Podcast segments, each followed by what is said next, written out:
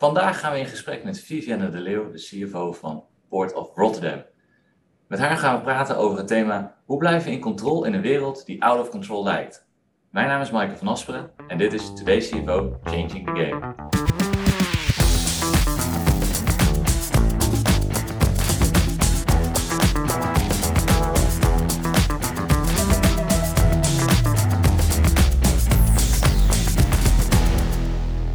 Hi Vivienne, welkom.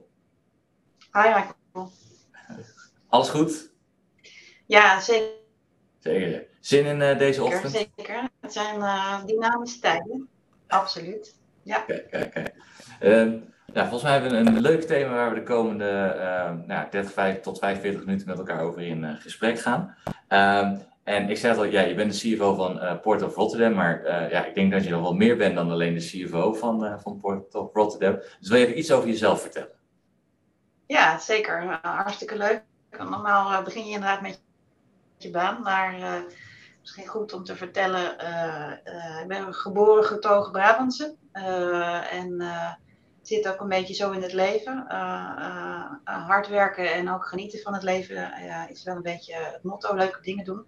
Um, en uh, ik ben moeder van twee kinderen en uh, ik uh, woon in de buurt van, van Den Haag. Kijk, en voordat je bij Port of Rotterdam zit, had je ook al een carrière als, als CFO. Want je was toen CFO bij een commerciële organisatie, hè? RTL. Ja. ja. En die, die overstap is denk ik ook wel een interessante geweest van, van ja, een, een, een commerciële organisatie als RTL 4 naar iets, misschien iets meer politiek gedreven organisatie. Ja, nou, het is eigenlijk uh, op, op het oog lijkt het een hele rare uh, overstap van een hele andere wereld. En, op face value is het dat ook. Um, maar eigenlijk onderliggend hebben beide, beide bedrijven dezelfde opgave, namelijk de winkel open houden, terwijl je wel over moet naar een ander verdienmodel. Um, en uh, bij RTL zat dat in, uh, dat is een, ook een business-to-business bedrijf, net als het havenbedrijf Rotterdam.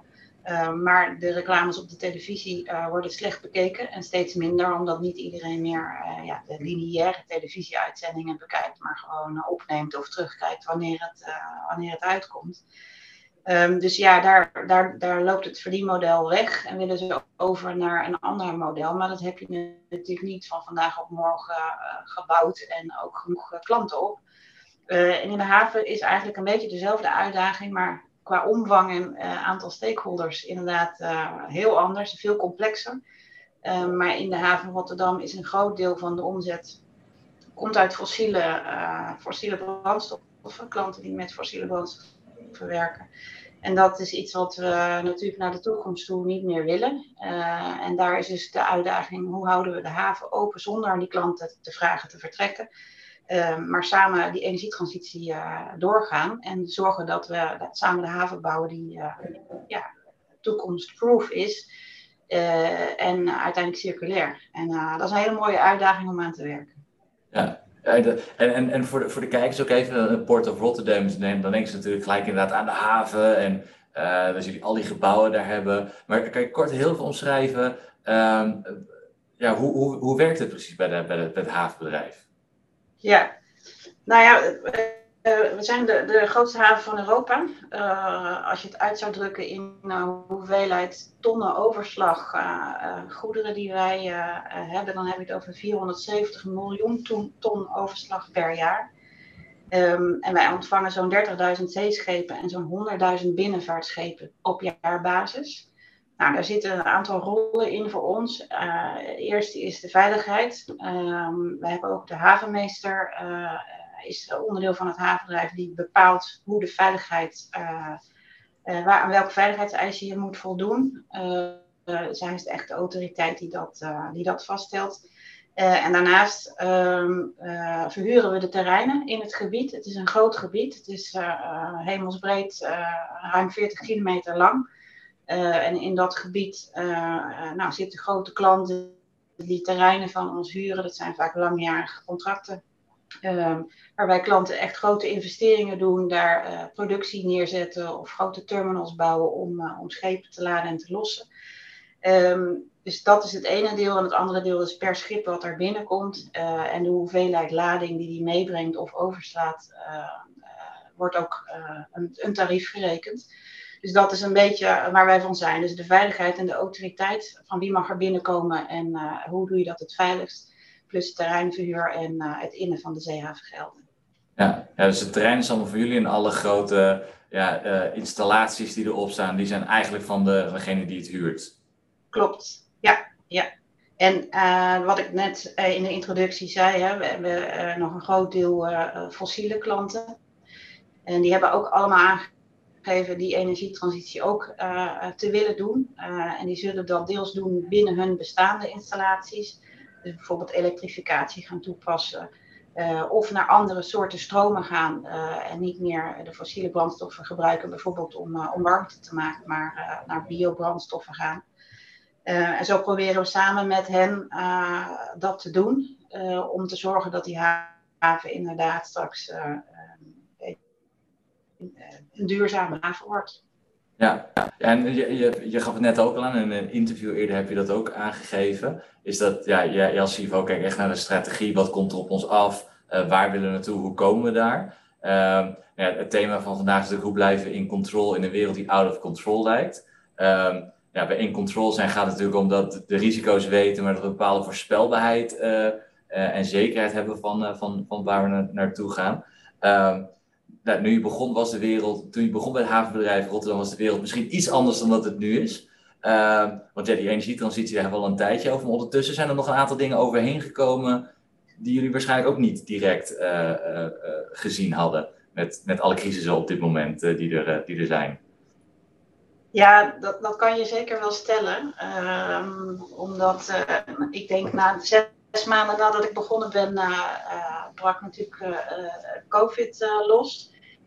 Um, maar inmiddels ja, hebben we een energiecrisis, we, hebben een, een inflatiecrisis, we hebben een stikstofcrisis, we hebben een, een Rusland-Oekraïne-crisis.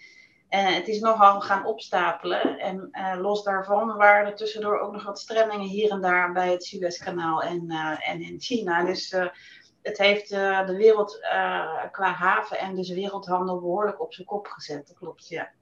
Ja, want ja, de COVID, dat is denk, dat denk ik wel, wel, wel logisch dat we zagen dat de aanvoer vanuit China natuurlijk stil viel. Ehm, wat voor een effect heeft dat voor jullie organisatie gehad? Hoe ben je daar bijvoorbeeld mee omgegaan? Ja, en dat is wel een goede om er inderdaad ook mee te starten, omdat je uh, dan als haven pas echt ziet hoe cruciaal je rol is.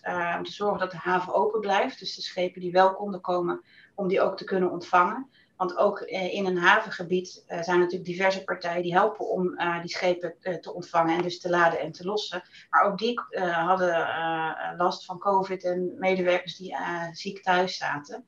Dus we hebben, het eerste wat we toen gedaan hebben is een, een eh, corona-overleg ingesteld. Waarbij we iedere ochtend om acht uur met de belangrijkste spelers in de keten spraken over hoe gaan we hiermee om, waar liggen issues en hoe lossen we die op.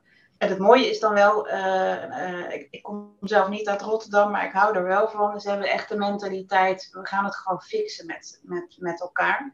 We gaan het oplossen. Uh, terwijl het kunnen ook gewoon concurrenten zijn, maar op zo'n moment als er crisis is en er moet gewoon iets gebeuren, dan, dan vinden we elkaar. En dat vind ik wel, wel heel mooi aan, aan dit gebied.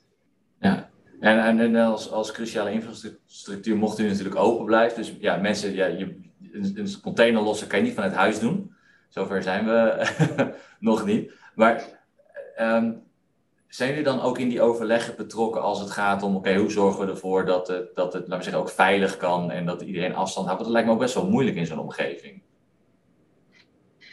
Ja, dat klopt. Um, en uh, dat werd ook in dat overleg uh, uh, goed met elkaar afgesproken dat er bijvoorbeeld in bubbels wordt gewerkt. Dat teams die elkaar aflossen niet met elkaar in contact komen.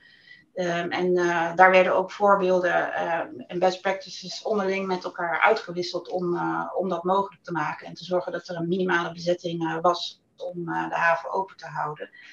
Ja, inderdaad, in de haven zelf met de patrouilles en controles en blaad los, dat kan je echt alleen maar daar doen. Um, de andere zaken en de dingen die we vanuit kantoor doen, die zijn we allemaal vanuit huis gaan doen. En ja, dan zie je ook hoe, hoe veerkrachtig en flexibel je eigenlijk bent. en je misschien minder had gerealiseerd dat dat dus gewoon kan. Uh, dat is echt van de ene op de andere dag uh, vloeiend overgegaan. En uh, daar ben ik eigenlijk wel heel trots op dat dat gelukt is. Ja. Wat is jouw grote leerles geweest in, in, die, in die eerste ja, zeg, grote kiks waar je terecht kwam? Um, nou, eh, het, uh, wel de trots op van nou, elkaar dus kunnen vinden in, in onderdelen. ondanks dat je misschien elkaars concurrent bent. Dus het was echt een, een wij-gevoel.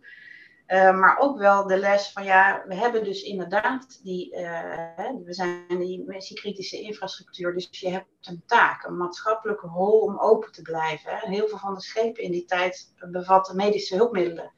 Uh, en dan wil je gewoon per se dat die, uh, dat die uh, goed en veilig kan binnenkomen en snel, snel gelost wordt. Dus dat was wel iets wat dan extra, extra motivatie geeft. Van ja, dat is wel onze rol in deze tijden. En ja. maakt het wel bijzonder. Ja. En, en heeft, heeft deze, nou, die, die eerste COVID-pandemie ook effect gehad op jullie toekomstplannen? Ja, eigenlijk op jullie toekomstplannen. Zijn, zijn jullie dingen gaan uitstellen, her, gaan herberekenen? Um, nou, dat is inderdaad een goede vraag, want dat zou je misschien verwachten. Uh, wij hebben de tegenovergestelde keuze gemaakt. Um, en we hebben goed de check gedaan, wat kunnen wij uh, hebben. dus hoe, hoe veerkrachtig zijn we als organisatie, zowel qua bemanning als, als financieel. En hebben ervoor gekozen om alles door te blijven zetten. Uh, om te zorgen dat er geen vertraging komt in de projecten, geen vertraging in de digitalisering, geen vertraging in de energietransitie die al in is gezet. Dat is ook een, een positie waar, waar we in zitten, dus we kunnen dat ook doen, maar we hebben dat bewust gedaan om ook te zorgen dat ja, voor projecten huren wij uh, engineers in, uh, bouwbedrijven. die mensen willen ook gewoon blijven doorwerken. en hun salarissen kunnen blijven betalen. Dus we hebben een bewuste keuze gemaakt om, om niet op de rem te trappen. Nee. En uh, als, als je dan kijkt naar, naar, naar je toekomstplannen, zie je wel bijvoorbeeld een verschuiving in, in focus. Uh, op dat moment, je merkt misschien, als de boel in China dichtgaat, dat zal waarschijnlijk wel een effect hebben op het aantal uh, schepen dat bij ons binnenkomt. Dat je toch ook wel probeert te diversificeren, of is dat dan heel erg lastig, die markt waar jullie in, in opereren als haven zijnde? Ja, in zoverre is dat lastig dat wij natuurlijk niet bepalen welke schepen met welke goederen komen. En, en dus ook niet eh, vanuit welke haven. Eh, dat is iets wat je, wat je dan gebeurt. Hoeveel komen er nog? Eh, het mooie is wel, en dat is ja, hoe de handel werkt, uiteindelijk komt het. Het is hooguit met een vertraging. datzelfde zie je nu met, met de energiestromen die, die veranderen, met de Rusland-sancties, waarbij Russische olie verboden is en daarvoor ook de, de Russische producten vanaf een bepaalde waarde. Maar dat vindt wel uh, zijn weg. Dat er, dan worden er andere stromen gevonden, uh, andere vormen van, uh, van brandstoffen die dan gebruikt gaan worden. En dat is iets wat toch ook weer via de haven binnengebracht wordt. Dus het is eerder een vertraging dan iets wat echt stopt. Ja, ja. Je zegt net al, um, nou, de, de, de, ja, het volgende kwam er weer op je pad, het, het, het verbod op Russische olie. Uh, dan heb je die COVID-crisis gehad. denk yes, nou, we gaan weer lekker door. Uh, en dan krijg je eigenlijk, ja, er zijn een aantal dingen die eigenlijk dit jaar toch best wel naar de voorgrond zijn, zijn getreden. Waar worden jullie op dit moment best wel door geraakt, waar jullie op snel moeten schakelen naast uh, de, de, boycott van bijvoorbeeld Russische olie? Nou, bijvoorbeeld inflatie. Uh, daar heeft iedereen uh, last van en wij, wij dus ook. Ehm, want uh, ja, wij kunnen onze contracten indexeren. Um, maar moet je de keuze maken, ga je dat inderdaad doen in deze tijd waarvan je weet dat heel veel van je klanten het moeilijk hebben. Dus ga je dan die indexering ook echt ten volle doorzetten tegen deze hoge uh, rentes die we op dit moment uh, zien. Uh, maar ook wat krijgen wij zelf op ons oren, om zo maar te zeggen. Wij, wat ik zei, wij huren bouwbedrijven in. Um, ze geven ook geld uit aan contracten die geïndexeerd zijn, op digitaliseringsvlak bijvoorbeeld. Um, en ja, die, die moeten wij ook gewoon kunnen, kunnen blijven betalen. Uh, dus inflatie is er wel, is er wel een die, die ons op korte termijn uh, raakt en voor dilemma's zet. En we hebben ervoor gekozen om uh, een deel van die inflatie niet door te berekenen aan onze klanten. Het is eenmalig, ehm, maar om ja, zeker te stellen en een geste te doen van ja, we willen niet dat die klanten omvallen. Want ja, wat ik eerder zei, we zijn echt een, een keten van schakels. En dan is het niet de bedoeling dat een van de schakels uh, uitvalt. Uh, want dan heb je met z'n allen een, een probleem. Ja, het andere wat, wat we op dit moment erg zien is stijgende materiaalprijzen en vertragingen in leveringen. dus als wij kaders slaan voor klanten, dan hebben we daar afspraken over. maar ook die zijn vaak geïndexeerd. En nou, we zien helaas regelmatig wel stijgingen van 25, 30 procent op staalprijzen of, of houtprijzen die gebruikt worden in de projecten. En ja, dan moet je toch goed kunnen doorrekenen of alternatieven bekijken. of je business case nog wel rondrekent. Dus dat is iets wat, wat op korte termijn wat op dit moment speelt. daarnaast, en dat is iets wat al langer speelt. En nou ja, binnenkort hopelijk tot, een, tot een uitspraak komt, de stikstof. Daar heeft heel Nederland op dit moment last van. Ligt voor bij de Raad van State van nou wat kan die bouwvrijstelling blijven bestaan en kunnen we nog woningen bouwen en ook in de haven dus blijven bouwen ehm, om die energietransitie mogelijk te maken? Of ja, gaat, dat, gaat dat eraf en dan gaat alles op slot? En dat is toch iets wat, wat, wat ja, heel bepalend gaat zijn naar de toekomst toe. of wij projecten nog kunnen blijven doorzetten, wat we heel erg graag willen.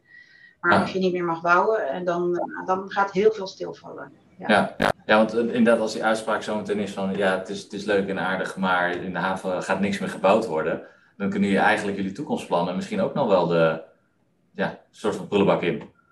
Of in ieder geval de ijskast in. Ja, nee, absoluut. Maar dat geldt niet alleen voor de haven, dat geldt al voor heel Nederland. Ja.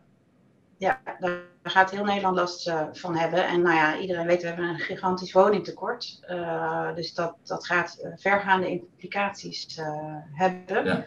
Uiteraard zoeken we naar oplossingen, ook nu al. Dus we kijken naar, zijn er bijvoorbeeld in ons geval dan in het havengebied klanten die een vergunning hebben om bepaalde stikstof uit te stoten, maar dat niet doen.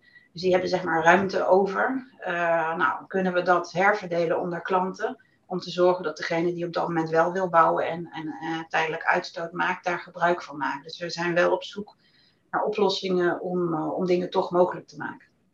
Ja, en is dit nou een van de dingen die, die jullie echt het hardst kan raken, of op dit moment misschien ook wel raakt, omdat er veel onzekerheid uh, is? Nou, niet zozeer dus nu rechtstreeks, omdat de haven open is, schepen komen binnen, dus, dus dat loopt. Maar op het moment dat inderdaad de uitspraak voor de bouwvrijstelling vervalt, dan hebben we daar per onmiddellijk heel veel last van. Maar nogmaals, dat heeft heel Nederland dan. Ja. Dus dan zullen we ook weer gewoon op zoek moeten naar wat, zijn dan nog, wat zijn dan nog oplossingen.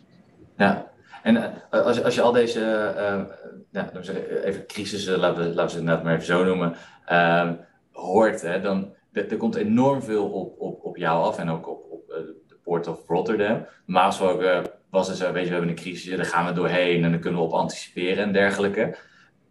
Is het nog mogelijk om te blijven anticiperen op dit soort dingen? Of is het op dit moment echt veel meer, gewoon maar zo snel mogelijk reageren op wat er gebeurt?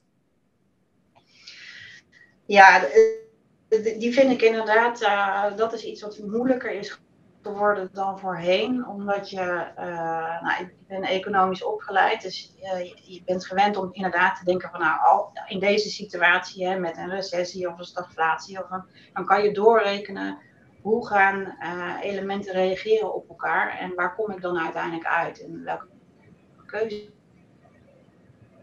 maak ik daar dan in op dit moment staat. Dus dat doorrekenen van een scenario is wel veel lastiger dan, uh, dan voorheen. Uh, laat onverlet dat we dat wel blijven doen. Sterker nog, we doen het eigenlijk nog meer. Om voor onszelf ook een bandbreedte te bepalen van ja, waarbinnen willen we blijven en welke keuzes hebben we dan te maken? Dat doen we op korte termijn, dus zaken die, die binnen nu en vijf jaar we op ons af zien komen. Maar wij kijken ook, omdat we natuurlijk een ja, we hebben langlopende contracten, uh, maar ook de investeringen die we doen in de haven, die zijn vaak voor 50 tot 100 jaar. Dus je doet die investering voor een, een lange tijd vooruit. Dus wij kijken ook naar scenario's naar uh, 2040, 2050. Uh, om te kijken van wat gebeurt er dan. Uh, en dat zijn scenario's die heel breed gaan. Uh, van, nou, eentje hebben we Connected Deep Green genoemd. Dat is van nou, de wereld heeft echt nu door. We moeten die anderhalf, anderhalf graad klimaat of temperatuurstijging tegengaan. Iedereen, alle neuzen dezelfde kant op en we gaan allemaal hard aan de slag daarmee. Nou, dat is het ene, ene kant van het spectrum. En het andere is, nee, dat noemen we dan protective markets. Iedereen trekt zich terug. Uh, ieder land wil zelfvoorzienend worden en gaat helemaal voor zichzelf. Ja, dat heeft uh, heel andere implicaties voor zo'n wereldhandel en de stromen die over de wereld gaan, kan je je voorstellen. Dus ja, binnen dat spectrum hebben wij allerlei scenario's. Dus ja. die houden we goed in het snotje om te kijken van voor de langere termijn, uh, wat zijn dan goede keuzes om, uh, om nu te maken. Ja. En, en grofweg hoeveel scenario's hebben jullie dan bijvoorbeeld voor de lange termijn? Denk je dan naar 4, 8, 12, 2? Ja, we hebben vier, uh, vier scenario's. Um, en die hebben we ook echt helemaal uitgewerkt uh, samen met een aantal instituten. niet onze, onze dikke ja. duimen om te kijken, nou, waar, waar zou het nou kunnen? Dat is echt uh, goed onderbouwd. En vervolgens ook uh, doorgerekend naar wat betekent dat voor de diverse handelstromen uh, en de soorten goederen die, die uh, naar de haven komen. dus dat is helemaal uitgewerkt. Ja. ja. En, dan, en dan toets je dat eens, in de, eens per jaar of eens in de zoveel jaar? Nee, die lange termijn scenario's doen we eens in de zoveel jaar, eens in de vijf jaar. Ja. Um, en dat doen we ook bewust, hè, want die, die uh, ontwikkelingen gaan snel, maar voor die langere termijn uh, gaan ze ook weer niet zo snel. Uh, de scenario's die we maken voor korte termijn, die natuurlijk wel en die updaten we ieder jaar. Ja, en, en voor korte termijn, hoeveel scenario's heb je daar dan ongeveer? Is, is dat ook vier of zijn dat dan iets meer, omdat er, dan, omdat er meer dingen op korte termijn kunnen spelen? Nou, we houden het bij drie uh, om met name de bandbreedte vast te stellen. Dus ja. één waarvan wij denken dat dat uh, het meest realistische uh, zou kunnen zijn. Maar, maar, daar zoeken we ook de, de extreme in op. Wat als hè, alle contingencies negatief uitvallen, dan zitten we hier. En als, als er een paar opgelost worden, dan, dan zitten we daar. Dus daar, daar houden we echt die bandbreedte aan. Ja.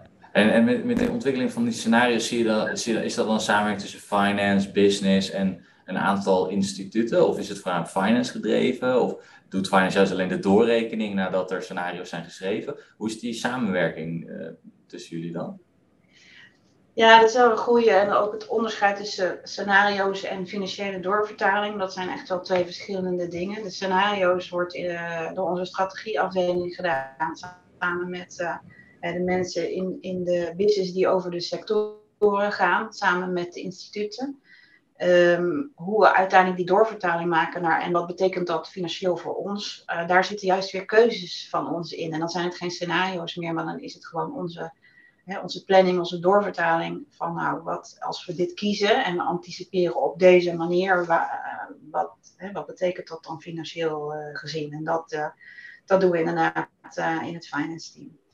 Ja, en dat lijkt me toch ook best wel, ook lange termijn. Uh, natuurlijk, ik zit er zelf ook wel eens over na te denken van, goh, ik rij nu bijvoorbeeld dan elektrisch. Maar ja, is nou zo meteen elektrisch hetgene waar we naartoe gaan? Of moeten we zo meteen uh, hele grote um, waterstofcentrales gaan, gaan, gaan, gaan bouwen? Het lijkt me nog best wel lastig om dan te bepalen welke kant het dan uiteindelijk opgaat. Dat blijft, ja, dat lijkt me toch ja, een beetje vingerspitsengevoel dan moeten maar inzetten. Of ja, hoe doen jullie dat? Ja, nou wij, wij proberen daar niet zelf een keuze in te maken, omdat het natuurlijk onze klanten zijn die gaan kiezen uh, wat gaan ze uh, als brandstof straks gebruiken om, om de fabrieken te draaien, om de schepen aan te sturen ja. of aan te drijven. Um, en we proberen dat mogelijk te maken dat dat bij ons in de haven kan. Wij zijn de, een van de grootste bunkerhavens van de wereld. Bunkeren betekent het, het, het tanken eigenlijk van schepen. Ja. dat gebeurt grotendeels bij ons. Dat is op dit moment nog vaak diesel. Ehm, maar uh, ook dat gaat veranderen. Maar we willen daar niet zelf de keuze in maken, maar wel het mogelijk maken dat wat er straks door de markt gekozen wordt, dat dat bij ons kan. Uh, waterstof zal wel uh, in ieder geval een van die nieuwe stromen zijn. daar willen we ook echt wel een hubrol in spelen. Ook omdat wij nu ook de energiehub zijn voor, voor Noordwest-Europa. We hebben heel veel energie in onze haven. En inschatting is dat waterstof in Nederland en rond Nederland gemaakt kan worden, lokaal. Uh, maar dat is bij lange na niet genoeg voor hoeveel er nodig is. dat is ook doorgerekend door een aantal instituten. En we hebben natuurlijk een rechtstreeks link naar Noord-Rijn-Westfalen, waar een heel groot energiecluster zit en waar veel gebruik wordt gemaakt. Um, en dat is vele malen meer dan we lokaal kunnen produceren. Dus we gaan ons in ieder geval voorbereiden op ook import van, van waterstof. In welke vorm dan ook. Want je kan waterstof als gas, wat het eigenlijk is, importeren. Maar je kan het ook vloeibaar maken. Je kan het in een derivaat omzetten. dus er zijn allerlei mogelijkheden voor. Maar waterstof zal er zeker onderdeel van zijn. Ja. En op de korte termijn zie je natuurlijk LNG is nou ook zoiets dat, dat we overal naar Europa proberen te krijgen. Ehm, en wat ik begrijp daarvan ook is dat de capaciteit in Europa best wel beperkt is. En kunnen jullie dan vanuit de haven de bedrijven helpen om die, om die faciliteiten uh, te maken dat er, dat er, nou, dat er LNG, nog meer LNG ge, um, gelost, ja, kan worden? Klinkt een beetje gek als, als gas uh, maar gelost kan worden in de haven? Of moeten de bedrijven echt zelf, die, uh, moet Vopak echt zelf de aanpassingen in die centrales of in die, in die grote, um, grote containers die, die ronde dingen? Moeten ze die zelf maken? Ja. Um, nou, daar zijn we met ze over in gesprek van ja, wat kan je binnen de bestaande uh, opslagcapaciteit uh, doen? En daar is uitbreiding in mogelijk, daar zijn ze ook al mee bezig. daarnaast kijken we ook van nou, stel zij kiezen ervoor, nogmaals, het is hun, hun beslissing.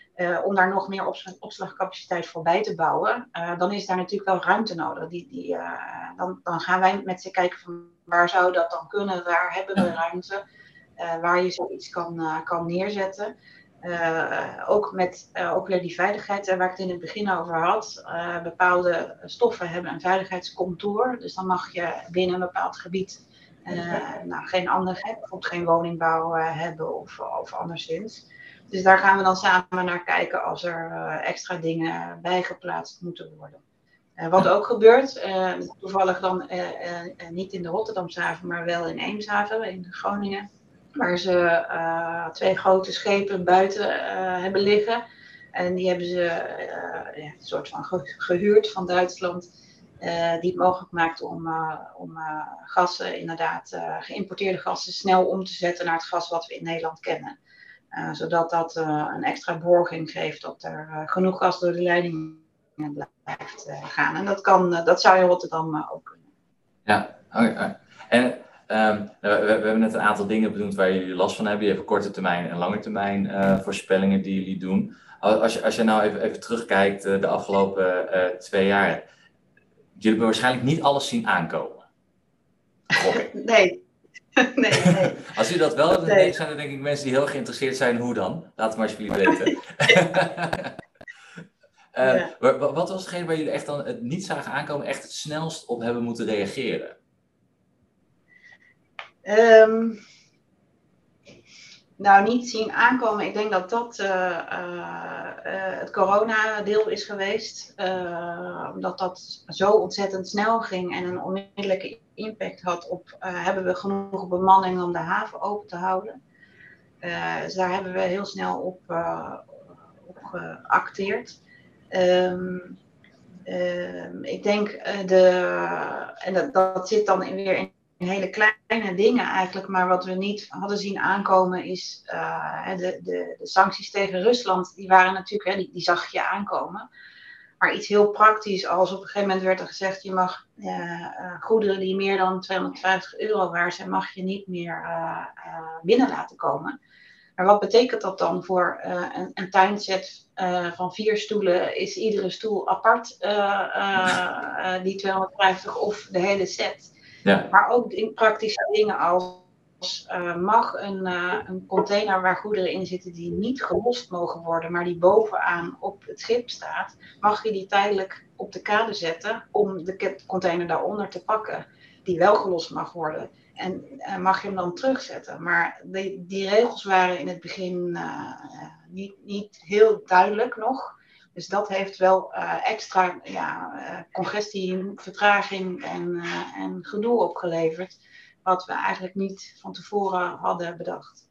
Ja. Zie je dan op het moment dat zo is gebeurd, richt je dan gelijk een soort crisisteam op?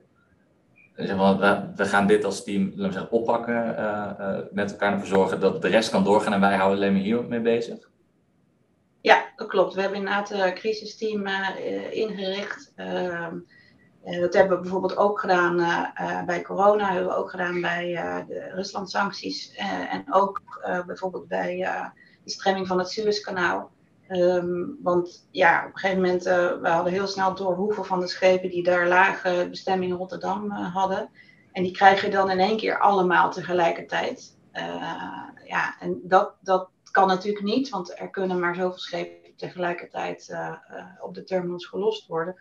Dus hoe ga je dat dan veilig en, en, en goed accommoderen, zonder ja. daar de boel plat te leggen? En dat, dat is goed gelukt overigens, maar die, die zie je dan aankomen omdat je, wij hadden vrij snel inzicht in eh, welke schepen liggen daar en, eh, en die komen daar nou. Ja. En, en speel jij of mensen uit je finance team ook een rol in zo'n crisisteam? Ja, we hebben uh, bijvoorbeeld in, uh, uh, kijk, niet het operationele. Dus als er een operationeel overleg is van nou, bepaalde terminals, de kaders liggen vol. Hè. Dat is ook wel eens dat er signaal wordt gegeven, ja, hier kan geen schip meer gelost worden, want eerst moeten de containers weg. Ja. Dat, is, dat is meer aan de operatie. Waar we als finance veelal mee aan tafel zitten, is oplossingen bedenken voor klanten die klem zitten. In corona waren natuurlijk vele loketten vanuit de overheid van, nou, hier kan je uh, tijdelijk krijgen of, of extra geld om salarissen uit te betalen. We hebben hetzelfde gedaan. Bedrijven die dus niet genoeg hadden aan de loketten van de overheid en de gemeente, hebben we gezegd van nou, wij, wij, hebben ook een loket en kom bij ons als je zegt van ja, ik, ik wil echt mijn zaak boven water houden, maar ik kan op dit moment niet hè, die terreinhuur betalen of, of andere zaken. Uh, dan kon je bij ons ook uh, langskomen en dan gingen we een oplossing zoeken. En dat hebben ja. we als finance team gedaan. Ja, ja dus je eigenlijk voor jullie als finance het meest belangrijke misschien wel zorgen dat de klanten die jullie hebben gewoon kunnen blijven opereren en niet omvallen. Um, want ja, dat, dat, dat, is, dat heeft best wel een grote impact voor jullie als de klanten omvallen uiteindelijk. Ja, ja. Dat je niet even zo in met een nieuwe. Nee, en uh, dat is precies het geval. Je hebt niet zomaar uh, iemand anders daar zitten. Uh, veel klanten hebben daar ook grote investeringen in gedaan. Die, die heb je niet zomaar weer up and running. Um, dus het is ons veel aangelegen dat het, dat, ons, dat het onze klanten goed gaat en dat er geen schakel uit de keten wegvalt. Ja. En dan ja, maak je een keuze van, nou kunnen wij een bepaalde tijd coulance geven aan een klant om die periode te overbruggen. Ja. ja. En kennen jullie klanten ook, uh, want we hebben nu zeggen, inflatiecrisis en dan zie je dat de vakbonden, die willen de lonen ook erg omhoog hebben. Het liefst ook met minimaal 10% erbij. Nou, dat zijn natuurlijk weer 10% extra kosten voor, uh, voor veel bedrijven die dat misschien ook lang niet altijd kunnen dragen. Is dat dan iets waar jullie ook een rol in, in kunnen spelen? Of staat dat echt helemaal los? Uh, ja, is dat, dat is aan het bedrijf zelf? Daar kunnen jullie verder niks mee? Nee, het stukje CAO en lonen, dat is uiteraard aan het bedrijf zelf. Um, er is wel een haven-CAO waar een aantal bedrijven bij aangesloten zijn. Uh, die zullen dat met de bonden moeten uitonderhandelen waar ze dan op uitkomen. Uh, we hebben het binnen ons eigen bedrijf uh, natuurlijk ook hè, loonafspraken en ja. zullen daar ook over in gesprek moeten gaan van nou wat, wat kunnen wij doen richting medewerkers. Uh, wat we dus anticiperend al wel hebben gedaan, is uh, voor de terreinverhuur hebben we dus uh, gezegd van nou, die gaan we tijdelijk eenmalig met 6% verlagen. dus geen, niet de volle indexering doorrekenen, maar we hebben daar 6% afgehaald. Omdat we vinden dat de huidige inflatie, nou, die, die is zo uitzonderlijk hoog dat we dat niet passend vonden. Ja, ja. Zie je die scenario's ook als een tijdelijk iets, die, die hoge energieprijzen, of is dat lastig te zeggen? Ja, als ik die glazen bol had, dan, uh, dan zou ik nog meer kunnen doen dan ik nu doe. Maar dan, uh, nee, ik vind dat heel lastig om daar een, uh, een uitspraak over te doen. Um, en wat we wel kunnen inschatten is, mede door COVID en dat China dicht was, de Suez-stremming, is er een enorme disbalans ontstaan in met name in de containersector, dat containers op de verkeerde plek stonden en veel meer uh, lege containers verplaatst moesten worden om, uh, om weer enigszins in balans te komen. En onze inschatting is dat dat nog wel een jaar gaat duren. Maar ja, daar hebben we ook meer gegevens van. En, en daar kan je wel voorspellingen voor maken. Maar ja, wat ik zeg, de, de crisis die we op dit moment hebben, die, die beïnvloeden elkaar. Dus de, de inflatie, energieprijzen, uh, wel of niet uh, goederen kunnen verplaatsen. Hoe gaan landen reageren? gaat er protectionisme optreden? Um, ja, het is op dit moment beïnvloedt het elkaar zo dat, dat ik niet zo zou durven uitspreken van nou, ik verwacht dat het nog maar een jaar hoge energieprijzen hebben. Nee, nee, dat zou ik niet kunnen. Nee. En, en alles wat, er, wat, is, wat, wat, wat er nu speelt, gelet op, nou ja, toen je binnenkwam, uh, die transitie die, laat maar zeggen, doormaken, ehm, heb je wel het gevoel dat je over een aantal jaar kan zeggen, hey, we hebben dit nog altijd gewoon binnen onze doelstellingen, binnen de tijd kunnen halen? Of moet je ook nu toch wel wat aanpassingen in je eigen ambitie en doelstelling daarin in doen? Ja, ik, ik hoop natuurlijk te kunnen zeggen, we hebben het kunnen afleveren wat we wilden doen. Uh, maar eerlijk gebied te zeggen dat een aantal van de energietransitieprojecten in vertraging staan. Bijvoorbeeld die CO2-afvangproject Portals heet dat. Ja. waarbij met name nu dus die, die stikstofuitspraak voor, voor ernstige vertraging zorgt. En we gaan er nog steeds vanuit en hebben de volle ambitie dat het, dat het er gaat komen. En het is heel belangrijk, ook voor de klimaatdoelen die we in Nederland willen halen, is dat dat project een heel groot onderdeel ervan. Uh, dus wij blijven daar wel hard aan doorwerken. Maar uh, dat is in de tijd al, al opgeschoven. En uh, nou ja, afhankelijk van welke uitspraak er komt, kunnen misschien meer projecten in de vertraging gaan. Ja. ja. En, en als je nu terugkijkt op de afgelopen uh, twee jaar, zijn er dingen die je. Uh, is er een voorbeeld waarvan je zegt van dat zou ik anders aan hebben gepakt, terugkijkend? Um, nou, ik weet niet of ik het anders zou hebben aangepakt, maar misschien wel uh, had ik verder willen zijn met bepaalde zaken. havenbedrijf is um, al heel, in een heel vroeg stadium, meerdere jaren geleden, begonnen met ook vanwege onze maatschappelijke rol het rapporteren over wat, doen wij dan voor de maatschappij, welke MVO-doelstellingen hebben we, welke impact maken we daar. Um, en ja, dat willen we eigenlijk verder doorvoeren. We zijn uh, dat binnen Finance al, al hier en daar aan het doen door als er een investeringsbeslissing voorgelegd wordt en de business case doorgerekend, dat we die elementen echt al meenemen en meewegen in plaats van alleen maar financieel kijken. En ja, daar, daar had ik misschien wel verder in willen zijn. Um, maar ja, eerlijkheid gebiedt ook te zeggen dat de crisis heel veel aandacht uh, hebben gevraagd. Om te zorgen dat de haven open blijft. En, uh, ja. ja. en dat we ook uh, sterk gesteld aan voor een toekomst die, ja, jij mag het zeggen, maar we weten niet hoe die, hoe die eruit gaat zien. En, nee is wel van belang dat wij. Ja, ik je moet ook realistisch zijn dat je kan maar zoveel balletjes in de lucht houden. En op een gegeven moment houdt het ook een beetje op. Je, je kan natuurlijk niet overal op blijven focussen. Nee, nou we hadden natuurlijk één prio en dat is uh, de haven open houden en zorgen dat, uh, dat mensen veilig zijn en veilig kunnen werken. Uh, en, dus dat heeft wel in de afgelopen twee jaar alle aandacht gehad en daar sta ik ook achter. Dat had ik ook niet anders willen doen. Nee, nee. En, en, je zei net ook in de doelstelling, ik weet dat je daar ook best wel um, um, het aan je hart ligt om te laten zien de maatschappelijke functie van, van het havenbedrijf Rotterdam. we krijgen natuurlijk in de, nou, de komende volgend jaar al voor beursgenoteerde bedrijven en lang, lange termijn voor andere bedrijven natuurlijk al die ESG-doelstellingen.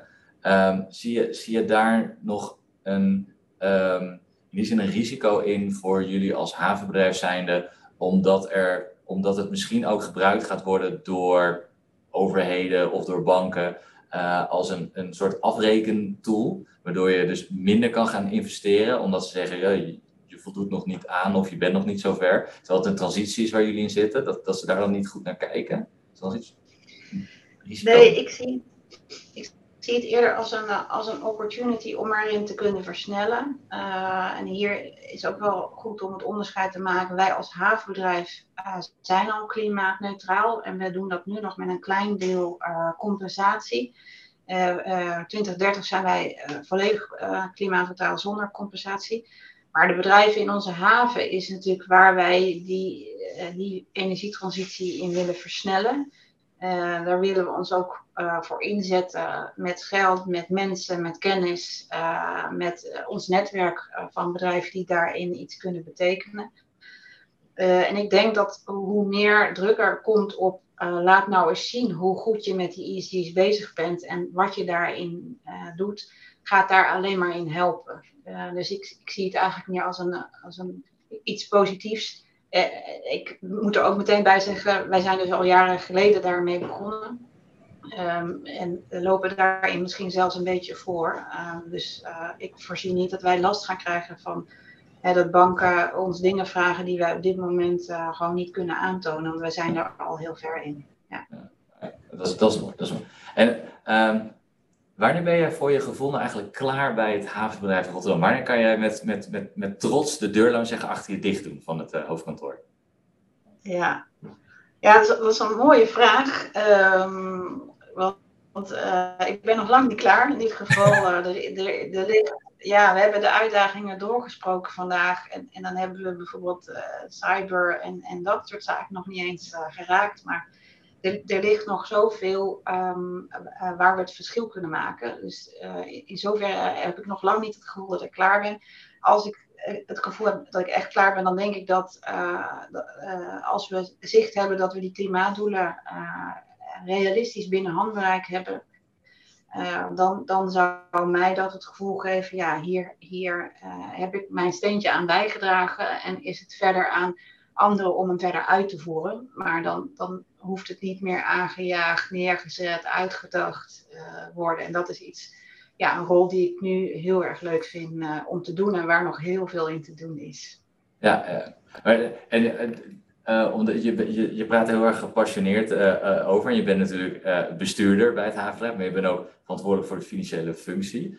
Hoe probeer je dit dan ook, ook laten zeggen, intern door te krijgen? Dat ook al je financials daar continu aan denken bij alles wat ze, misschien niet continu aan denken, maar in ieder geval aan meewerken. Hoe, hoe, hoe, ga je richting die interne populatie te werken?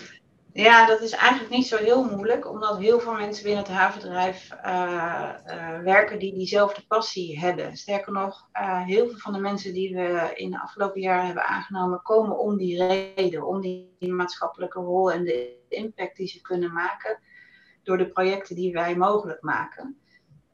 Dus dat, dat behoeft eigenlijk intern geen uitleg of motivatie. Um, moeilijkheid zit hem in wat ik zei. Ik had iets verder willen zijn in hoe passen we het nou echt toe in onze besluiten. Vaak wordt het toch nog wel, we maken een business case. En we kijken of het enigszins past in het maatschappelijke beeld van uh, kunnen we deze klant uh, binnenhalen, ja of nee. Of is dat eigenlijk niet meer van deze tijd? Dat zou je iets meer in je proces en in je mindset uh, willen hebben. Daar zijn we heel hard mee aan het werken. Wat ik zei, we doen al een aantal pilots daarin. Um, en ja, dat is iets, dat hoef ik ook niet te vragen. De mensen in het finance team zijn daar eigenlijk al zelf mee bezig. Van nou, hoe, hoe pas ik dat in, in hoe ik een, uh, een casus uh, opbouw? Ja, dus ze, ze kijken breder dan alleen de financiële parameters naar zo'n business case. Ja, ja, we kijken bijvoorbeeld ook naar uh, werkgelegenheid. kijken naar hoe kun je je echte impact doorrekenen. Want ja, schepen gaan de wereld over. Uh, producten worden ergens gemaakt. Uh, in hoeverre uh, heb jij daar een negatieve impact op, op, op de maatschappij daar. omdat je iets aan het verladen bent tussen werelddelen. Nou zijn wij niet de verladers. Maar wij zijn wel degene die het mogelijk maakt om te verladen. dus daar, daar inzicht op creëren van wat is nou de echte impact op de maatschappij. Dat is wel iets wat wij kunnen toevoegen. Ja, ja. dat, is wel een, dat, is, dat is wel een mooie kijk. We zullen willen dat meerdere bedrijven dat op die manier uh, gaan doen. Hopelijk is dit een mooie oproep uh, naar ze toe. Ik vind, ik vind het eigenlijk wel uh, leuk in het, in, het gesprek. En als, misschien dat ik het dan niet helemaal, als ik het niet goed samenvat, dan moet je het even zeggen hoor.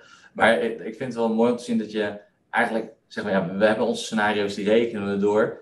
Maar het, het blijft ook lastig om, om echt dingen te voorspellen. En het blijft toch ook een beetje snel anticiperen op hetgene wat er, wat er, wat er gebeurt. Dus die voelantennes die moeten ook gewoon uitstaan. En op het moment dat je wat ziet, ja, snel met een crisisteam of teams daar zo snel mogelijk op reageren.